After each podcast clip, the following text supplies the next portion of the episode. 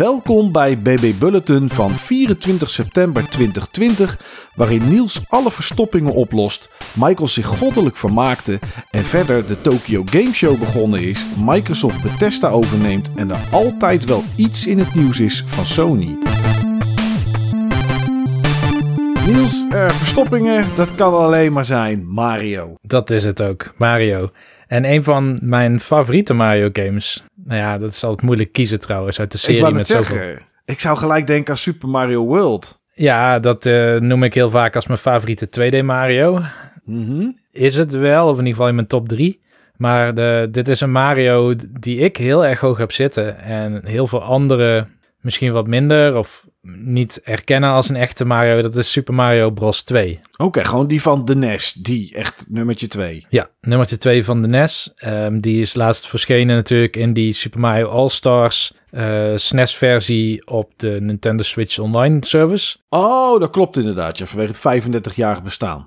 Ja, en daar heb ik hem heel even op gespeeld. Daar heb ik het ook vorige week volgens mij over gehad. Maar ik heb de NES-versie doorgezet. Ja, Ik moest ook heel erg denken aan toen ik voor het eerst Super Mario Bros. 2 zag. Want dat was natuurlijk, ik was een heel klein mannetje, maar ik ging met mijn ouders mee naar Eindhoven naar een eh bijenkorf. En daar stond dan een hele schap met allemaal van die NES-doosjes eh, naar je toe gericht. Ze hadden heel weinig NES-spellen. Ik denk dat er nog geen twintig stonden.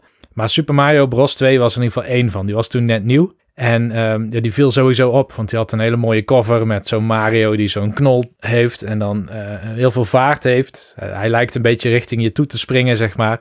Terwijl Ja. bijvoorbeeld de oude Mario, de eerste, dat was, zag echt uit als een, als een pixelated cover, zal ik maar zeggen. ja, ja, ja. Nee, dit was heel wat anders. En alsof hij hem ging gooien, zeg maar, dat knolletje. Ja. Zo zag het er inderdaad een beetje uit, ja. Ja, en deze leek eigenlijk in bijna niks. Nou ja, in, in de core mechanics wel, maar in de vormgeving en de setting en veel vijanden waren totaal anders dan wat we gewend waren van de eerste Mario Bros. Want je had dus niet meer Goombas en Koopas en, en, en ehm, hoe heet je ook weer, Bowser zeg maar aan het einde. Nee. Maar hier had je Shy Guys en eh Wart, wat dan je grote villain was in deze game. Is allemaal te verklaren, want het was voor een oorsprong een game die Nintendo voor Fuji had gemaakt. eh, voor een tv-show of een, een of ander evenement of zo. En later hebben ze gewoon de sprites aangepast, omdat ze een Mario voor het Amerikaanse volk nodig hadden. Oh, echt waar is dat? Is het zo gegaan, ja? Ja, en dat gebeurt heel vaak bij Nintendo. Hè? Dus eh, vaak ontstaan games ook zonder dat ze per se een IP in gedachten hebben of er per se mee willen verbinden. Maar dat doen ze dan omdat dat dan werkt of omdat het gunstig zou timen om iets op de markt te brengen. Maar ik vind het gewoon een hele goede setting, ook voor Mario. Dus eh, je springt niet op een vijand om hem kapot te maken, maar je pakt een knol of zo uit de grond of je pakt een andere vijand op en die gooi je dan tegen een vijand aan. En zo maak je ze af in deze game. Ja, ik heb deze echt nog nooit gespeeld. echt nog nooit. Ja, dan zou ik nog best wel benieuwd zijn wat jij ervan vindt. Ja, ja, ik heb hem wel ook gewoon op de NES. Ik heb, ik heb de kaart liggen, maar ik heb het echt nog nooit gespeeld. Is dit die... en Dit ga, eh, ga- oh, dat klinkt heel kneuzig, maar ik ga toch vragen. Is dit die met die, met die vogelbekken waar je elke keer in moet lopen? Ja. Met die eieren? Of is het... Oh ja, dat, Dat is, deze, Dat is je- twee. Dan, dan versla je eerst Burdo. Dat is zo'n zo'n roze beest die Ja, dan eieren spuugt. En die, die grijp je dan uit de lucht en die gooi je terug. En dan komt Ja, er een soort ja, kristallenbol ja, uit en dan gaat die, die kraai open. Ja, die. Wat ik dus zo leuk vind aan deze game is sowieso is hij natuurlijk grafisch echt heel gaaf. Heel thematisch vergeleken met de eerste Mario Bros. Maar gewoon die hele setting, die is zo fantasierijk. Het is echt zo'n zo'n eh, Arabische setting met heel veel woestijn Mm. en, eh, en heel veel lucht. Duizend en één nachten, zeg maar. Ja, duizend en één nachten. En dan van die, van die, die potten, die vazen, zeg maar, waar je dan ook in kan als Mario. Dus dat vond ik vroeger altijd wel heel erg tot de verbeelding spreken. En een vliegend tapijt zelfs, waar een vogel op zit. En als je dan op die vogel springt en je pakt hem op, dan kun je hem weggooien. En dan heb je zelf dat tapijt en dan kun je een seconde of twintig of zo. Het is niet zo heel lang. En dan kun je dan rondvliegen door die wereld heen.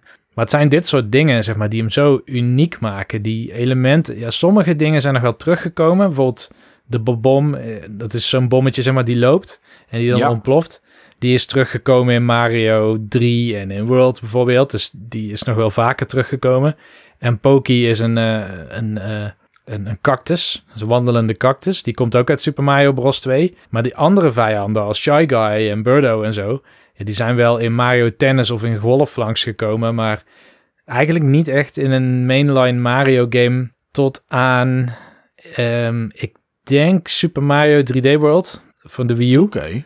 Ja. Die had voor het eerst weer echt Shy Guys als vijanden. En die had kersen, weet je wel. Dat je dan twee Mario's kreeg in plaats van één. En dan vier in plaats van twee. Oh ja, ja, ja, ja. Dat werd je verdubbeld inderdaad. Jeetje, dat was ik vergeten. Ja. Ja, ja, dat waren dingen uit Mario Bros 2. En die hebben we zo lang niet gezien tussen die tijd. En ehm, ja, wat ik ook, ook heel apart vond, was dat je... Je hebt soms dat je kan graven als Mario. Of als Luigi. Of als de prinses trouwens. Of als Patje, zoals die in de handleiding wordt genoemd. Toad. Patje. Ja. Heet die Patje? In de handleiding van eh, Super Mario Bros 2, de NES-versie, heet die Patje inderdaad.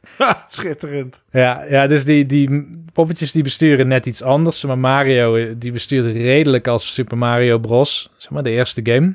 En Luigi, dit was ook de eerste game waar Luigi er anders uitzag dan Mario. Hier had hij een wat hogere sprite en kon hij hoger springen.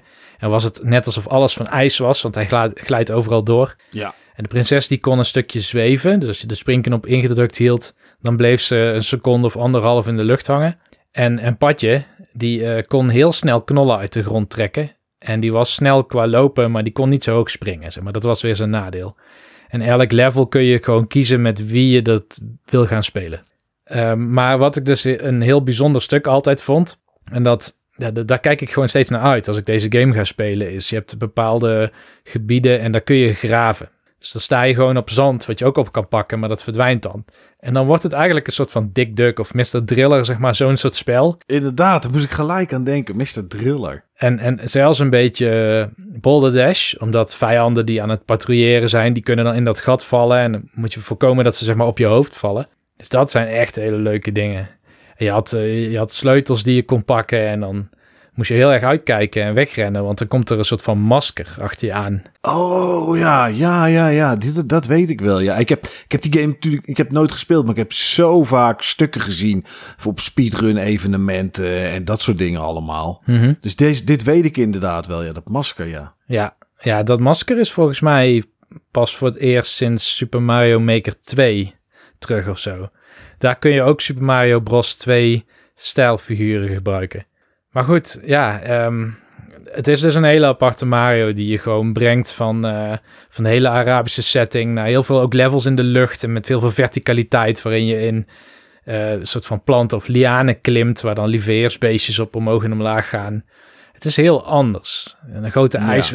Ik, ook een mooie wereld trouwens. Ja, ik, ik hou zo op hoor, want ik merk gewoon dat ik enthousiast ben van deze game. Maar ik heb hem ook uitgespeeld. Dat is een van de weinige spellen de laatste tijd weer. Maar ehm, je hebt een level en dan, ehm, dat bestaat eigenlijk uit walvissen. En die walvissen, die hebben natuurlijk zo'n spuitgat. En dan af en toe dan spuiten ze water omhoog en dat wordt dan een platform. En zo heb je eigenlijk twee niveaus waarop je door het level kan bewegen. Je kan eigenlijk van de staart op de rug, op de kop van de walvis bijvoorbeeld springen. Of je Mhm. gaat juist op dat spuitgat staan. Dan kom je omhoog en dan kun je over de wolk heen. En Oh, ja. En uiteindelijk Dat bereik je dan een raket.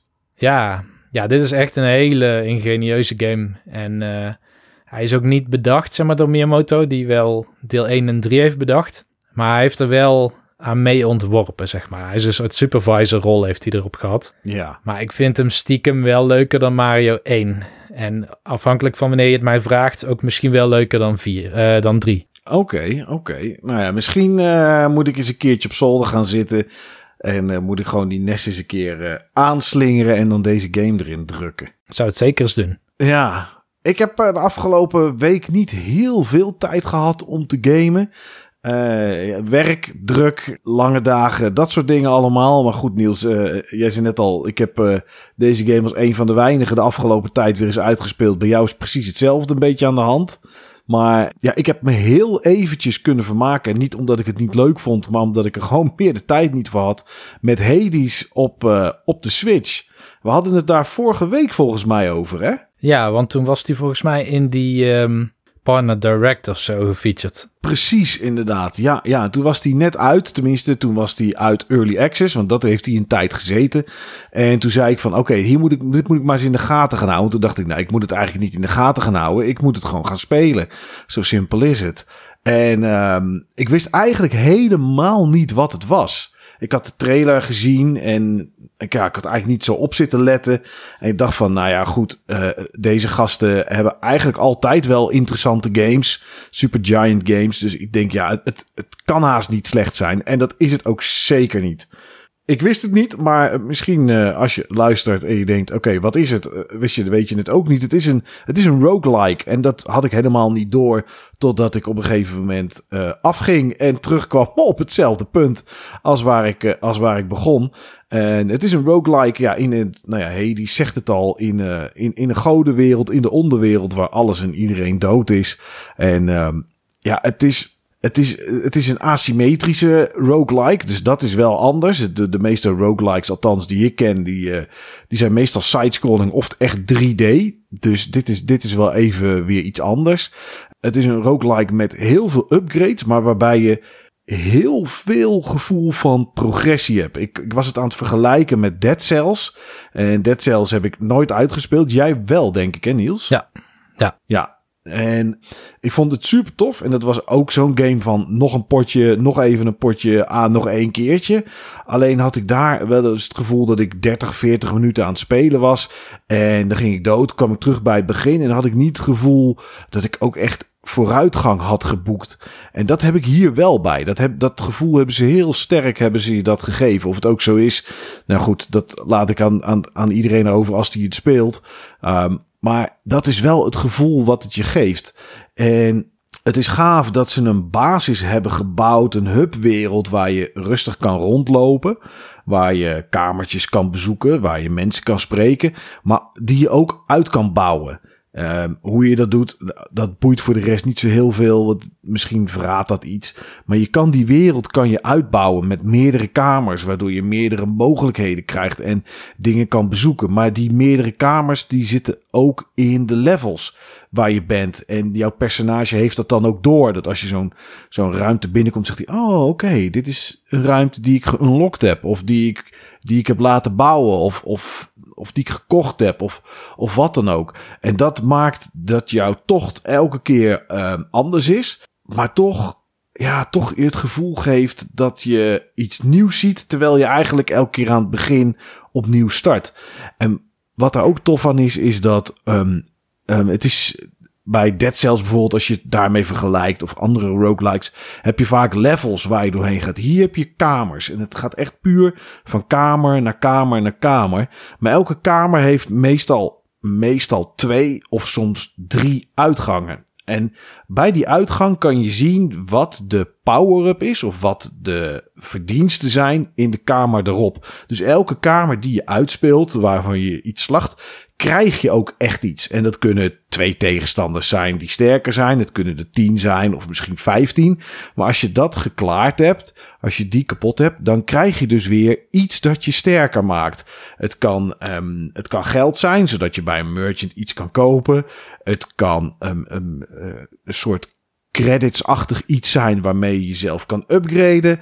Maar het kan ook een ability zijn die je verliest op het moment dat je doodgaat, maar door in die playthrough wel, wel kan gebruiken. En er zitten hele toffe combinaties in. Ik had, ik had een zwaard, dat is waar je standaard mee begint, maar je kan ook andere wapens kan je, kan je vrijkopen. En dan kan je voor kiezen elke playthrough wat je meeneemt, wat jouw standaard beginwapen is. En die kan je dan uitbreiden. En ik had op een gegeven moment had ik een, um, had ik een skill, was het volgens mij, op mijn wapen of zo. Ik weet niet meer precies hoe het zat. Maar in ieder geval, ik ging niet van start met 50 hitpoints of 60 die ik inmiddels had. Maar ik ging maar van start met 20. En het voordeel wat ik dan had aan minder hitpoints, is dat bij elke klap die ik uitdeelde, kwamen er twee hitpoints terug. En toen dacht ik, oké, 20 hitpoints is niet heel veel, maar je slaat best snel is dit slim om te doen? En het bleek dat ik daar onwijs ver mee kwam. En de power-ups of de, de skills of de abilities die je dan tijdens je reis vindt, zijn dan ook daar een beetje op geënt. Dus het is niet zo dat als jij met een pijl en boog op stap gaat en 100 hitpoints, dat je dan in één keer een ability krijgt voor een zwaard of zo. Het heeft, het heeft er altijd wel mee te maken. Maar ook de keuzes van ik neem iets wat goed voor me is, maar er zit ook iets iets minder goeds aan, zeg maar. Dus er zit ook een nadeel aan dit voordeel dat ik kies. En welke kies ik dan? En die kunnen dan ook stekken. Dus ze kunnen ook een versterking zijn op iets dat je gekozen hebt. Je kan een ability kiezen die daarna een soort van modifier krijgt. Dat je bij een klap niet twee hitpoints recovert, maar bijvoorbeeld drie. Maar dan wel weer iets anders in de, in de minderheid hebt, zeg maar. Misschien met, met een schild dat je mee hebt genomen of wat dan ook. En dat zit zo goed in elkaar. Dat is echt, uh, ja, dat, dit hebben ze echt zo goed gemaakt. Het klinkt een uh, beetje, uh, corrigeer me als ik het verkeerd heb, maar alsof je, um, want ik bedoel, je hebt Dead Cells, die heeft ook dat je random skills en dingen vindt terwijl je door die levels heen gaat. Ja. Maar hier is het alsof je eigenlijk in een soort skill tree heel snel alle minuut keuzes moet maken. Van welke kant ga je in? Omdat het nog wel verdiepend is, zeg maar. Ja, is, nou, je hoeft het niet heel, ja, heel snel. Ja, ja, het is wel in de moment, zeg maar. Hm. Dat, dat, dat is het wel. Het is, um, kijk, je staat in een ruimte, je hebt alles gesloopt. En ja, je kan de ene kant bijvoorbeeld op. En dan zie je van, oké, okay, daar ga ik geld verdienen. Als ik ergens weer een merchant tegenkom, weet ik in ieder geval dat ik hitpoints terug kan kopen. Want in het begin heb je bijvoorbeeld nog niet een, een item om jezelf mee te healen. Uh, ja, weet je, ga je dat doen of ga je iets anders doen? En ja, die keuzes kunnen heel verkeerd uitpakken. Maar op het moment dat je weer opnieuw uh, dat level instapt of opnieuw die wereld instapt, om er uh, proberen uit te komen, want dat is, uh, dat is je doel. En jij bent niet Hades, dat is je vader in dit geval. ja, dan, dan is het maar net de, de vraag of de keuze die je gemaakt hebt qua wapen, of dat dan slim is. Maar dat, er, zit, er zit wel echt heel veel, um, ja, heel veel diepgang in, in, in de skills en dat soort dingen. En dat, uh, ja, plus dat het er heel tof uitziet. Ik merkte wel eens wat slowdown op de, op de Switch, helaas. Er zijn kamers waar je bijvoorbeeld 30 seconden of 45 seconden in moet overleven. Nou ja, daar gooien ze op een gegeven moment echt, echt heel veel tegenstanders op je af. En dat is dan, uh, ja, dat loopt dan niet altijd heel erg lekker. Uh, dus ik hoop dat ze dat of fixen of als het me te veel gaat irriteren en storen, dat ik er echt last van krijg, dan koop de game desnoods wel op een ander platform nog een keer.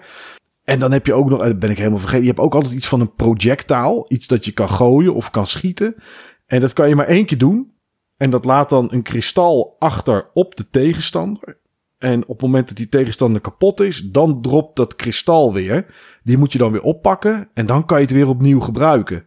En daar komt ook best wel wat tactiek bij kijken. En dan krijg je dus op het moment dat je nieuwe skills krijgt of geüpgrade skills. Oké, ga ik voor iets voor mijn zwaard of ga ik voor iets voor mijn projectaal? Want ja, het is best handig als je, als je die projectaal gooit en die hopt van de ene tegenstander naar de andere naar de andere en slacht ze alle drie. In plaats van dat je zwaard iets sterker wordt en je ze alle drie moet neerhakken. Je kan dashen. Nou, dat kan omdat het de onderwereld is en dodenrijk is, kan dat door muren heen en dat soort dingen. Waar je over gaten heen, over uh, iets waar een gat in de grond is, kan je wel overheen dashen, niet overheen lopen. Ja, uh, door dingen heen dashen en ze dan damage doen. Er zit zoveel in. Dat is echt, echt heel erg tof. En dat is ook nog maar het tipje van de ijsberg, zeg maar. Dus uh, ja, Niels, mocht je, ja, mocht je denken van, oké, okay, ik heb wel zin in zoiets, dan is dit echt wel een aanrader. Tot nu toe. Klinkt echt als iets voor mij. Zeker weten. Ja, ja, ja. Het is echt, ja, Hades is echt een hele toffe game. Goed, vorige week was het Sony die de prijs had, die de PS5 had. En toen hadden we het er al over, Niels. Uh, ja, dan ga je slapen, word je volgende dag wakker en dan kan alles wel in één keer anders zijn. Nou ja, dat is een paar dagen later. Is dat dan ook wel weer zo? Er zijn altijd wel dingen die achteraf komen. En een van die dingen, maar goed, ik was er niet heel erg benieuwd over. Maar ik denk, ja, laten we toch even, even noemen. Ondanks dat we volgens mij al veel en veel eerder hadden gehoord, is dat de PS5 er is definitief bevestigd geen backwards compatibility heeft met de PS1, PS2 of PS3. Nou ja, goed. Volgens mij was dat al eerder bekend, maar uh, nou ja. Ze hadden in ieder geval niet gezegd dat ze het overwogen. ik denk dat heel nee, veel mensen okay. het hoopten. Maar ze hebben ja. nooit beloofd dat het kwam. Nee, nee. En ik kan me nog herinneren. Ik weet niet of het Jim Ryan was die ooit een keer zei. Uh, en die quote werd nu dan ook weer aangehaald. Van ja, uh, ik zie eigenlijk niet in waarom iemand nog Gran Turismo van de PS1 nu zou willen spelen. Ja, daar zag hij niet echt, uh, echt hel in. Dus, uh, nou ja, goed. Uh, mocht je toch nog de stille hoop hebben gehad, laat het varen, want het is er niet. En het andere ding is dat Sony ooit wel heeft gedacht, en dat vond ik wel grappig om te lezen, om, net zoals dat Microsoft een Xbox Series S heeft, een, minder krachtigere versie van de Series X, dat Sony er ook ooit een keer aan dacht. Maar dat hebben ze niet gedaan. En ik begreep niet, en misschien weet jij waar ze op doelen, Niels. Toen zeiden ze: One thing that we can be said is that if you look at the history of game business, creating a special low-priced reduced specifications console is something that has not had great results in the past. Maar ik kan me geen enkele console herinneren waarvan er twee tegelijkertijd uitkwamen en er één mindere specificaties had. Um, niet in ieder geval inderdaad van de consoles die ik zo heb meegemaakt. Ja, je had natuurlijk wel een um, Xbox 360 zonder harde schijf. Dat had je. Maar dat was niet een ja, tragere Xbox 360. Nee, nee, er zat niet een andere CPU of GPU in. Ik zat wat dingen terug te lezen, eh, want het stond op meerdere websites en hoe mensen daarop reageerden. Toen was er iemand die zei, ja, de alle, alle, allereerste Xbox 360 had geen HDMI-poort. Nee, dat klopt. Dat was volgens mij, uh, moest je HD dan halen uit uh, zo'n kabel met zes van die tulpjes of zo. Zo'n composiet ding. Maar nooit een mindere, mindere CPU of, of videokaart of zo. Dus ja, ik snap niet helemaal waar dat, uh, waar dat vandaan komt. Uh, een ander dingetje. Uh, Spider-Man op de PS4, PS4 krijgt geen gratis upgrade naar de PS5. Nou goed, dat hebben ze ook nooit gezegd. Maar als je Miles Morales op de PS4 koopt, dan kan je die wel weer spelen op de PS5.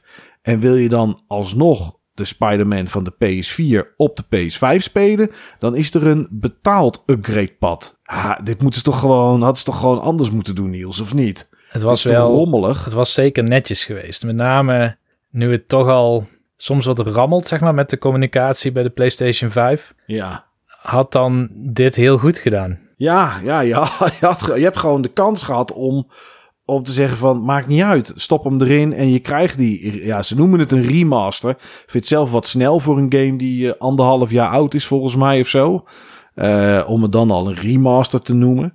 Maar ja, ik vond dit zo raar. Ja, ik geloof dat ze wel raytracing effecten toe gingen voegen. Dus net als bijvoorbeeld uh, The Last of Us kreeg ook binnen een jaar een remaster. En daar hadden ze dan net wat effecten hoger geschroefd en de resolutie was hoger. Dat was het. Ja, ja. En, wat, en wat effecten weggehaald destijds. Oh, oké. Uh, ja, waterreflectie en dat soort dingen, die waren op sommige plekken ineens weg. Uh, maar goed, weet je, daar hadden, we, daar hadden we niet echt een upgrade pad, zeg maar. Of games die je erin kon stoppen en die gewoon uh, beter werden of zo. Maar nou ja, goed, het is, uh, het is vreemd. Ze hadden in ieder geval wel het goede nieuws kunnen gebruiken in de afgelopen periode. Waarin Microsoft volgens mij alle mindshare zo'n beetje heeft op fora en social media. Ja, ja, ja. Dat is gewoon compleet omgedraaid, hè. Want een week geleden, toen was het de situatie helemaal anders. Ja, ja, en of het bijgedragen heeft aan een goede vibe, weet ik niet. Maar ja, het was inderdaad deze week dat uh, Microsoft één dag voordat de pre-orders van de Xbox Series S en Series X live gingen, met het echt heel groot nieuws kwam dat Microsoft Bethesda had gekocht. Ik kon het niet geloven, Niels. Um, nou, ik wel, want ik las het. Maar um, laten we het zo stellen. Het is volgens mij niet eerder voorgekomen dat een platformhouder een complete publisher met zoveel studio's en zoveel IP's in één keer overnam. Ja, want het is eigenlijk niet Bethesda dat ze gekocht hebben. Het is eigenlijk Zenimax. Ja. Het is eigenlijk gewoon de uitgever waar onder andere Bethesda onder zit. Dat is het natuurlijk. Alleen, ja, iedereen noemt het Bethesda. En zelf eigenlijk doen ze dat ook tijdens een E3 krijg je ook eigenlijk de Bethesda Showcase. Of hoe ze het op dat, dat jaar dan ook noemen. Maar uh, ja, ik, ik vond dit echt bizar. Dit, was, dit is hetzelfde als dat ik nooit had geloofd dat de V&D failliet zou gaan, zeg maar. Ja. Weet je, dat zijn van die dingen die, ja, die zijn zo groot. Je verwacht dat dat op zichzelf blijft staan. Alleen de vraag is natuurlijk, is dit goed of niet? Ja, dat, dat kun je je zeker afvragen. Ja. Um, ja, kijk, er zijn heel veel mensen op PlayStation die, die, ja, die zeggen normaal gesproken: Xbox has no games. Ja, waarom zou je een Xbox kopen? Je heeft toch geen exclusieve games. Er is toch niks op te spelen. Ja, en nu is het in één keer van, oh ja, maar als ze maar wel uh, de Elder Scrolls 6 uitbrengen op PS5. Nu gaan, gaan PlayStation fanboys gaan in één keer uh, tegen Microsoft zeg maar zeggen, ja, maar je moet wel uh, de Elder Scrolls 6 moet je uitbrengen op, op PlayStation. Maar ja, als ik erover nadenk, Niels, hoe raar zou dat zijn als er, als straks over een jaar of vier of zo, of drie, de Elder Scrolls 6 uitkomt, welke subnaam die dan ook krijgt, en dat die alleen voor PC en Xbox is. Ergens voor mijn gevoel klopt het niet. Nou ja, laten we het zo zeggen, gezien de overname vind ik het wel de logische conclusie. Zeker, ondanks dat ze gezegd hebben dat ze per game gaan bekijken of het ook op andere platforms uitkomt. Maar ik denk toch echt dat ze daarmee de Switch bedoelen en echt niet de PS5. Ja, en ook case by case stond erbij. Dus het kan gaan over een Fallout Shelter hè, en niet over Fallout. Hmm. Of een um, Elder Scrolls Online en niet Elder Scrolls 6. Nee, precies.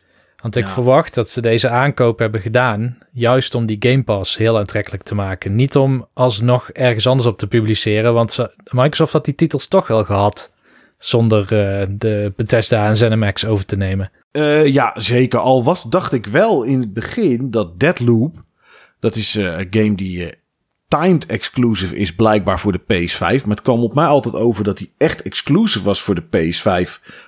Wat console betreft en voor PC. En Ghostwire Tokyo. Die twee games zijn timed exclusive voor de PS5. En dat blijven ze ook. Microsoft die blijft dat ook gewoon honoreren. Maar ja, ik denk inderdaad wel dat het daarna ja, jammer is voor Sony. Dat die games daar niet naartoe komen. Maar aan de ene kant ja, vind ik het mooi. Aan de ene kant vind ik het wel mooi. Ik hou wel van dit soort verschuivingen. Ik vind dat wel, wel tof om te zien. Ik ben vooral benieuwd wat het dan gaat doen, zeg maar. Maar ja, het, ik blijf het wel raar vinden als er straks een Fallout 5 komt. En dat komt gewoon niet naar PS5. Ja, het heeft, ja, ik, ik ben nu nog wat ambivalent. Ik heb er nog niet echt de tijd voor gehad om over na te denken. Maar het heeft ook wel voordelen dat, um, ja, kijk, wat wel is, is, het is wel echt een hele grote aankoop. Dat, dat is wel zo, zeg maar. De balans verschuift wel enorm, want ze hebben nu dus 23 studio's. Microsoft heb ik het dan over. Ja. Maar we hebben het over meer dan 35 teams. Hè? Dus er kunnen 35 games tegelijk in development zijn. Ja, bizar. Dus ze zijn groter qua first-party kracht dan Sony en Nintendo. Ja, ja. Kijk, nu moet, nu moet het zich nog terugbetalen. Ja. Want uh, over betalen gesproken, 7,5 miljard dollar hebben ze betaald. Uh, en ze zeggen zelf dat ze nog niet klaar zijn. Dat het, uh, en de reden zeggen ze zelf daarbij is dat het makkelijker is voor Microsoft in ieder geval. En maar ja, het werd algemeen getrokken om een studio over te kopen op dit moment of op te kopen dan zelf iets op te bouwen. Ja, daar kan ik moeilijk wat over zeggen. Daar heb ik echt geen flauw idee van. Maar ja, als je zakken zo diep zijn, Niels, ja, dan kan dit wel. Ja, dat. Microsoft is, wat is het, het één na rijkste bedrijf ter wereld of zo? Ja. Ze hebben ook GitHub gekocht, ook voor miljarden. Ze hebben LinkedIn voor, ook voor miljarden overgenomen. Uh, Skype hebben ze overgenomen. Wacht, hebben ze dat overgenomen? Volgens mij wel. Het was origineel ook wel. niet van, uh, van Microsoft. Nee, Klopt, nee, heel lang geleden inmiddels. Want Skype, nou ja, Skype gaat, gaat natuurlijk ook langzaam weg. En het wordt allemaal Teams, tenminste voor zakelijk. Maar dat hebben ze ook ooit overgenomen, ja. Ja, ja. ja en dit is iets, dit kunnen Nintendo en Sony niet nadoen. De, nee. Daar hebben ze, ik bedoel, de kans is wel dat er developers worden opgekocht, maar publishers is een heel ander verhaal voor dit soort bedragen. Sony had Insomniac overgenomen voor, ja, ik noem maar iets uit mijn hoofd, hè. ik dacht 320 miljoen of zo. Kan ook 230. Ja, volgens mij staat 300 mij ook bij. Ja, zoiets. Maar heel veel meer zit er natuurlijk niet in. En als je kijkt naar... Er wordt dan wel eens gezegd dan op Twitter van Konami, weet je, of Capcom. Maar dat zijn public traded companies. Die zijn veel groter dan alleen hun games. Die hebben ook arcades, die hebben uh, fitnesscentra, weet je wel. Uh, Pachinko slots. Die neem je niet over, zeg maar. Daar hebben ze denk ik het kapitaalniveau. En als ze dat wel hebben, dan moeten ze dat helemaal weer gaan downsizen. En dan hebben ze eigenlijk iets veel te duurs gekocht voor wat ze nodig hebben. Ja, ja al dat andere is alleen maar overhead waar ze niks mee doen. Nee, nee. En, Nintendo heeft in het verleden wel eens geprobeerd, ik meen uit mijn hoofd, om, om uh, Bandai over te nemen. Maar die zijn toen snel gaan mergen met Namco. Dus toen kon die overname niet doorgaan. Ja. En um, Sega, die is toen ook gemerged voor, met Sammy om te voorkomen dat ze uitgekocht konden worden. Want die zijn ook publicly traded. En Capcom heeft ooit juist gekocht willen worden door Nintendo, maar daar had Nintendo toen geen interesse in. Hmm. Dus Ja, en het is een... eh, sowieso teert Nintendo heel erg op first party. Ik bedoel, Ja. ze hebben hele goede third-party support, met name in Japan. Ik denk dat ze de meeste Japanse support hebben van alle platformen. Maar niet de grote westerse publishers vaak. Nee, nee. Ja, ik ben benieuwd wat dit gaat doen. Kijk, inderdaad, wat je net al zei, voor Game Pass is het interessant. En dat is het ook. En dat is, Microsoft heeft natuurlijk al aangegeven dat dat is wat ze willen verkopen. Het liefst zouden ze die service gewoon straks ook in alle tv's hebben zitten die uitkomen. Waar gewoon een controllertje aan je wifi hangt. En dat je op Game Pass gewoon kan spelen. Dat is natuurlijk op een gegeven moment hun doel. Ja. En ehm 15 miljoen abonnees hebben ze deze week bekendgemaakt. Het is wel grappig dat ze dat dan bekendmaken. En ongeveer een jaar of drie, vier geleden hebben gezegd... wij gaan niet meer vertellen hoeveel Xbox eh, Ones er zijn verkocht. Want dat vinden we helemaal niet interessant. Het gaat meer om de leden van, van Gold was dat toen op dat moment nog. Toen was er nog geen Game Pass. Mhm. Ja, nu komen ze wel hiermee, zeg maar. Eh, van de week hebben ze wel getwitterd omdat de game, of dat de, omdat de Xbox Series X en S pre-orders live gingen, dat er meer waren dan, of dat er meer pre-orders waren dan dat ze hadden gehoopt, durf, of durven hopen in ieder geval.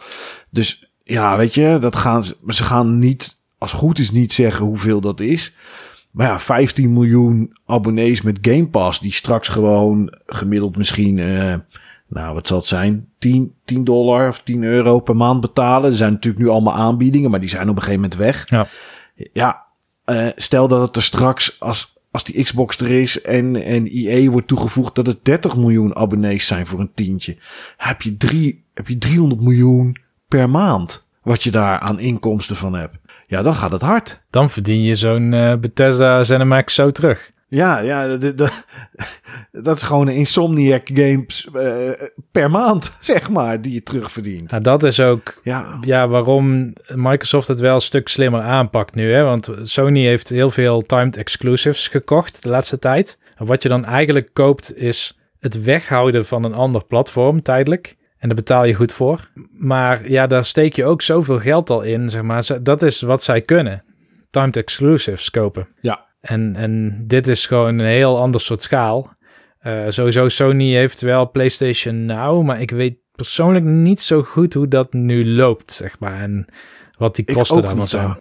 Daar hoor je niet zo heel veel van, moet ik heel eerlijk zeggen. Het enige wat ik er ook van weet, is dat ze op een gegeven moment het veranderd hebben van eh, het streamen van PS4 games. Dat je die gewoon kon downloaden, zeg maar. Omdat het gewoon toch beter werkte. Ja.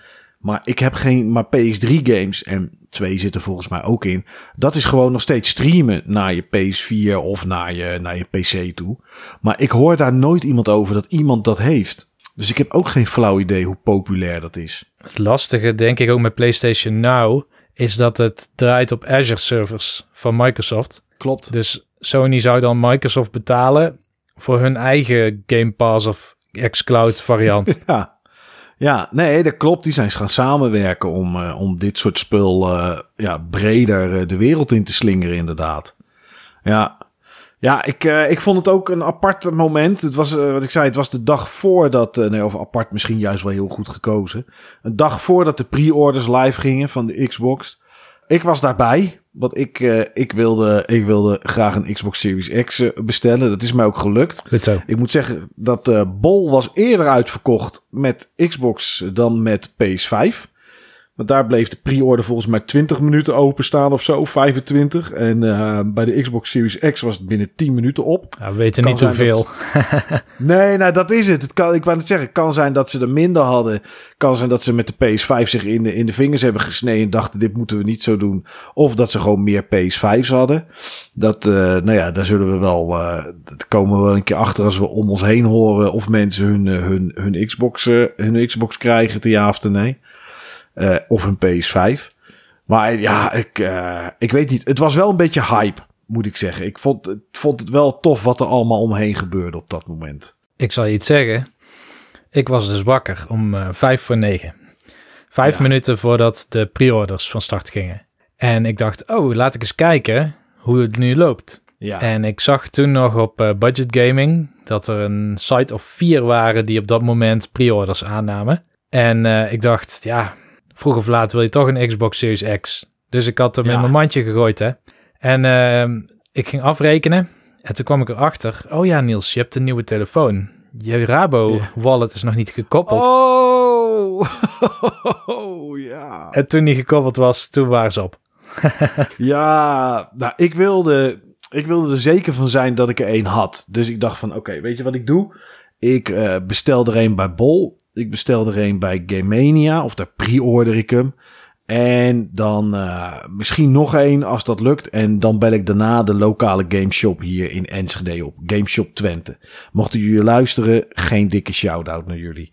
Ehm, dus ik zat bij bol.com en ik gooi hem in mijn mandje. Shit, je kan niet betalen op het moment dat die afgestuurd wordt. Je moest hem vooruit betalen. En ik denk dat wil ik best doen. Maar ik wil zeker weten als ik dat doe, dat ik hem heb.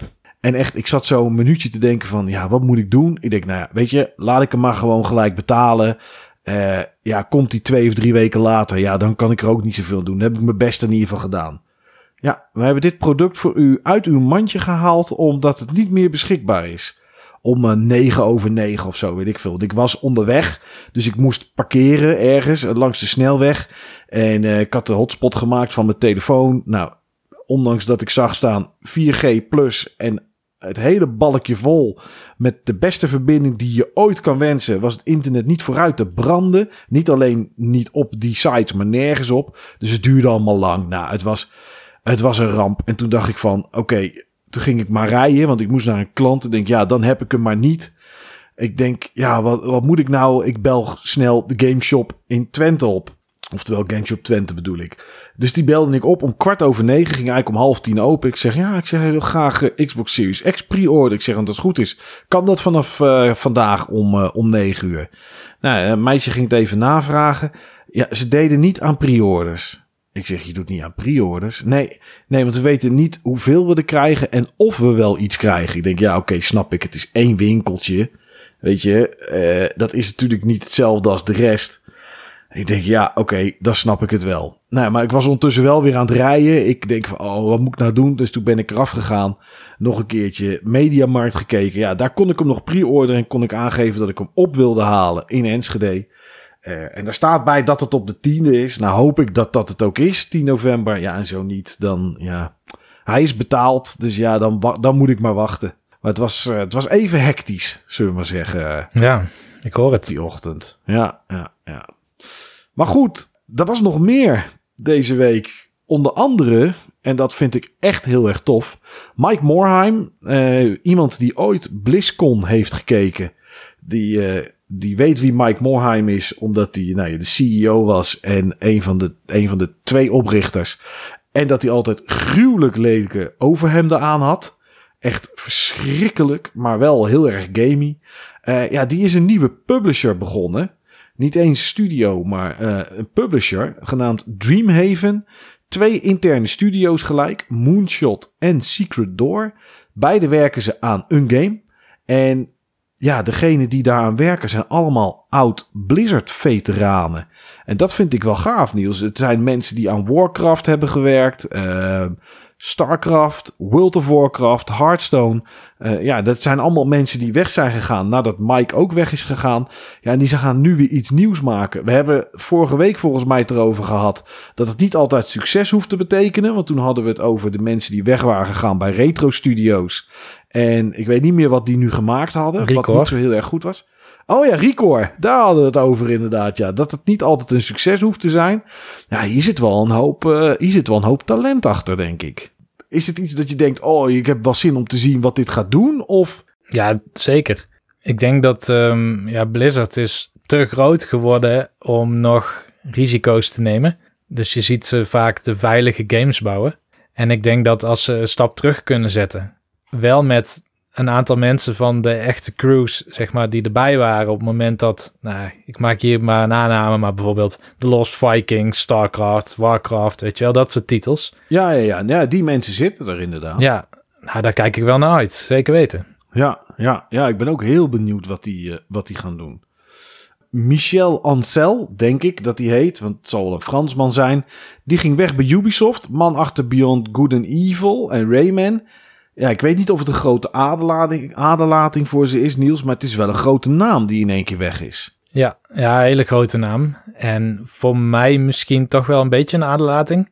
Want hmm. Rayman, uh, Beyond Good and Evil, Raving Rabbits, weet je wel, dat waren wel wat ja. spraakmakende titels. Die, die, werden niet, nou ja, Raving Rabbits wel trouwens, die werd echt ellendig uitgemolken. Uh, ja, heel erg. Maar bijvoorbeeld Beyond Good and Evil, daar hebben we heel lang moeten wachten op een sequel. Komt er ook, die is nog in development. Dat is niet de sequel waar ik naar uitkeek, maar goed, dat is een heel ander onderwerp. Maar het is wel jammer dat zeg maar, zo'n geestelijk vader van dit soort IP's, want dat zijn het, weet je wel. Ik bedoel, hmm. Ehm, wat doe je ogen dicht? Wat denk je aan? Aan welk karakter denk je bij Rainbow Six? Ja, weet ik niet. Een willekeurige soldaat, weet je wel. Maar ja. Rayman, een rabbit, een raving rabbit, of uh, de Beyond Good and Evil cast, die Page, en uh, ben ik heel even de, de naam kwijt van de, van de hoofdrolspeler. Nee, dat is Page. oh, dat is Page. Oh ja, uh, ik weet ook even nieuws. Maar ik zie er wel voor me. Ja, nou ja, kijk, dat, dat zijn karakters, weet je wel. Dat, die kun je, ja. dat zijn iconen. Die, die kun je in Smash Brothers stoppen. ja, ja, dat kan zeker inderdaad. Ja, ja, ja, ja. Ja, die is, die is weg. Dus ja, geen idee of die ergens anders naartoe gaat. Hij was volgens mij nog met een andere game ooit bezig. Dat zei jij, dat was Wild of zo heette dat? Ja, Wild, ja. Daar was hij al heel lang mee bezig. Ik dacht voor de PlayStation 4. Want het zou me zelfs niet verbazen als hij al voor de PlayStation 3 in, in development was. Maar ja, Wild, dat is wel wat hij dus nu gaat doen. Hè? Hij gaat iets met de natuur doen, geloof ik. Oké, nou ja, ik heb er even de trailer nog van gezien. Het zag er inderdaad qua movement en alles wel PS3-achtig uit. Wat het precies was, weet ik niet meer. Maar je zag hele stammen en je kon in dieren veranderen of zo. Ik weet niet, het was heel bijzonder. Maar of het ook goed was, nou ja, wie weet komen we er ooit achter. Uh, Blizzard, nou ja, daar hebben ze weer, uh, heeft bekendgemaakt dat BlizzCon 2020 helemaal niet doorgaat. Maar dat ze naar BlizzCon 2021 gaan kijken in februari. Dan komt dat evenement. Op 10 december zijn de Game Awards 2020. Um, Microsoft heeft net bekendgemaakt dat uh, Doom Eternal van Bethesda is dat uh, vanaf 1 oktober in de Game Pass zit. Dus uh, nou het werpt blijkbaar gelijk zijn vruchten af. Dat is alleen nog voor Xbox. voor PC komt die later, inclusief de DLC. En net voordat we gingen opnemen, Niels, kwam jij met Amazon, is het hè? Die Luna. Ja, klopt. Bedacht heeft. Of, of nou ja, die Luna lanceert. Het is een, een tegenhanger eigenlijk van, van Stadia. Zo zouden we het eigenlijk wel kunnen zien. Dus puur streaming.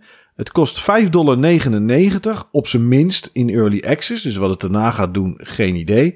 En voor dat bedrag krijg je Luna Plus.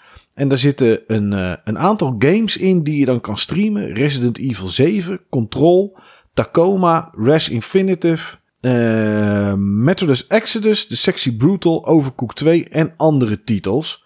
Uh, niet allemaal zijn ze er op dag 1, maar ja, het uh, komt er naartoe. Uh, een, een, nieuwe streamingdienst. Ja, Stadia hoor ik nooit zoveel meer over. Moet ik heel eerlijk zeggen, nee. Niels. Ja, behalve laatst bij Ubisoft. Omdat die uh, Immortals, Phoenix Rising er naartoe komt. Ja, is hier ruimte voor? Ehm, nee, dankzij Microsoft. Ehm, denk ik tenminste.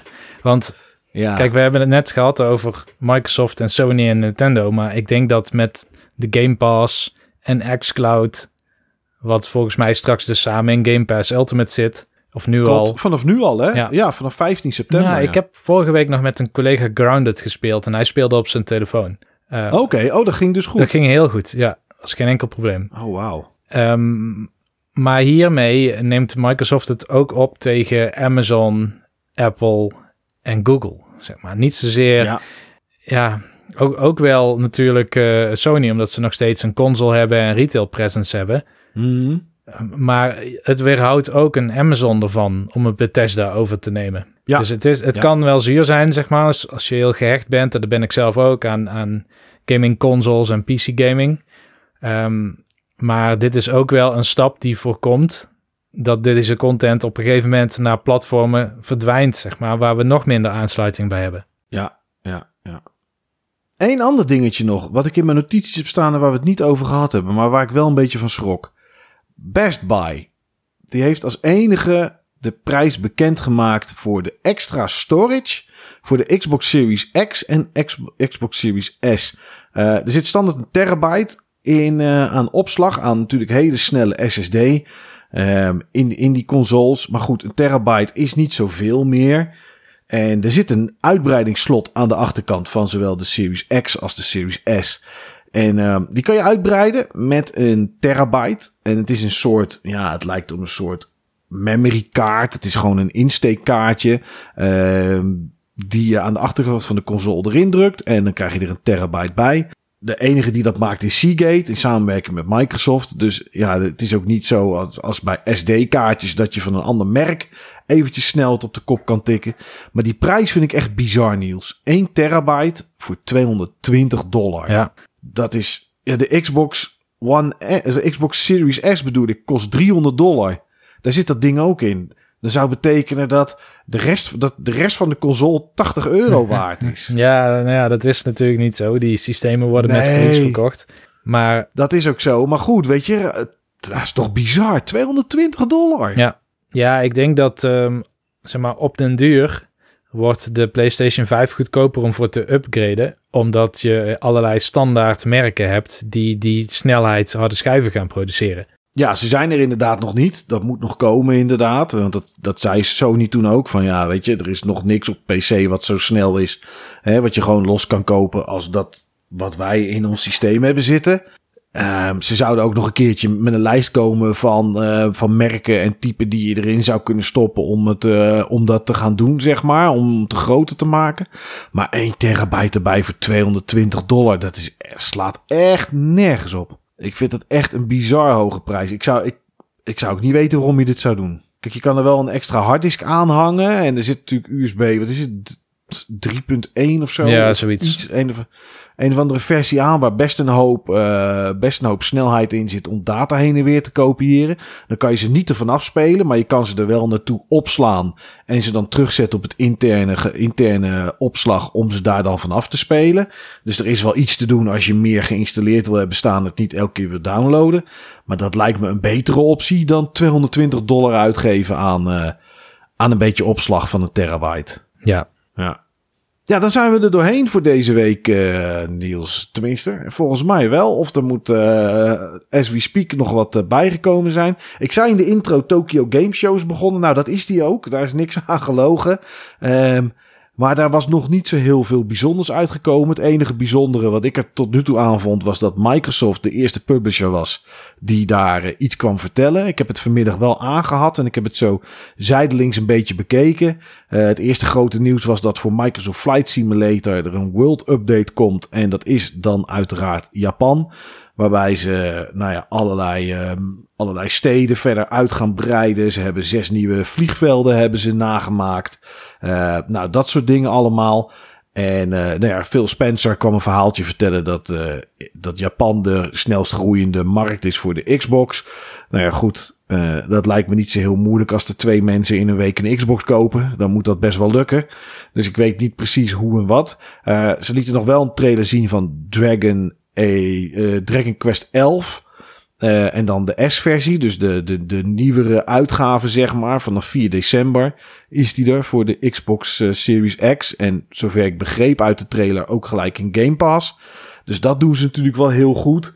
En het lijkt erop dat Microsoft weer een beetje die RPG-console wil worden die ze ooit waren met de 360, zeg maar. Toen hadden ze echt heel veel RPG's en ook Japanse RPG's. Dus uh, ja, we, we gaan het zien. Voor de rest zat er één of twee games bij. Iets met Samurai Showdown heette het volgens mij. Het leek een beetje op een fighter. Ja. Uh, echt zo'n Japanse fighter. Ja, en voor de rest was het niet heel erg bijzonder. Iedereen zat, dacht natuurlijk dat ze iets zouden gaan doen met Sega. Maar het enige wat ik volgens mij van Sega heb gezien is een nieuwe Puyo Puyo. Volgens mij is dat van Sega. Mm -hmm. uh, nou ja, daar zat iets van tussen. En ja, dat was het eigenlijk wel, uh, wel een beetje. Ja, zo lieten heel veel Minecraft zien met RTX. En uh, nou ja, het was echt in het Japans, dus daar heb ik niet heel veel van verstaan. Maar ze hadden heel veel uh, ja, Japanse dingen nagebouwd. En uh, nou ja, op die manier probeerden ze een beetje, een beetje ja, de Japanse markt uh, daar aanspraak op te maken. Maar wat het gaat doen, geen idee. Maar er is nog een hoop te zien de komende dagen. jouw favoriete ontwikkelaar Niels, Level 5, die komt ook langs. En ik hoorde ergens Nino Kuni hoorde ik voorbij komen in het Japans. Dus nou, dat, uh, dat is, zal jij wel, uh, zal jij wel tof vinden. maar ook Capcom, uh, nou ja, van alles en nog wat.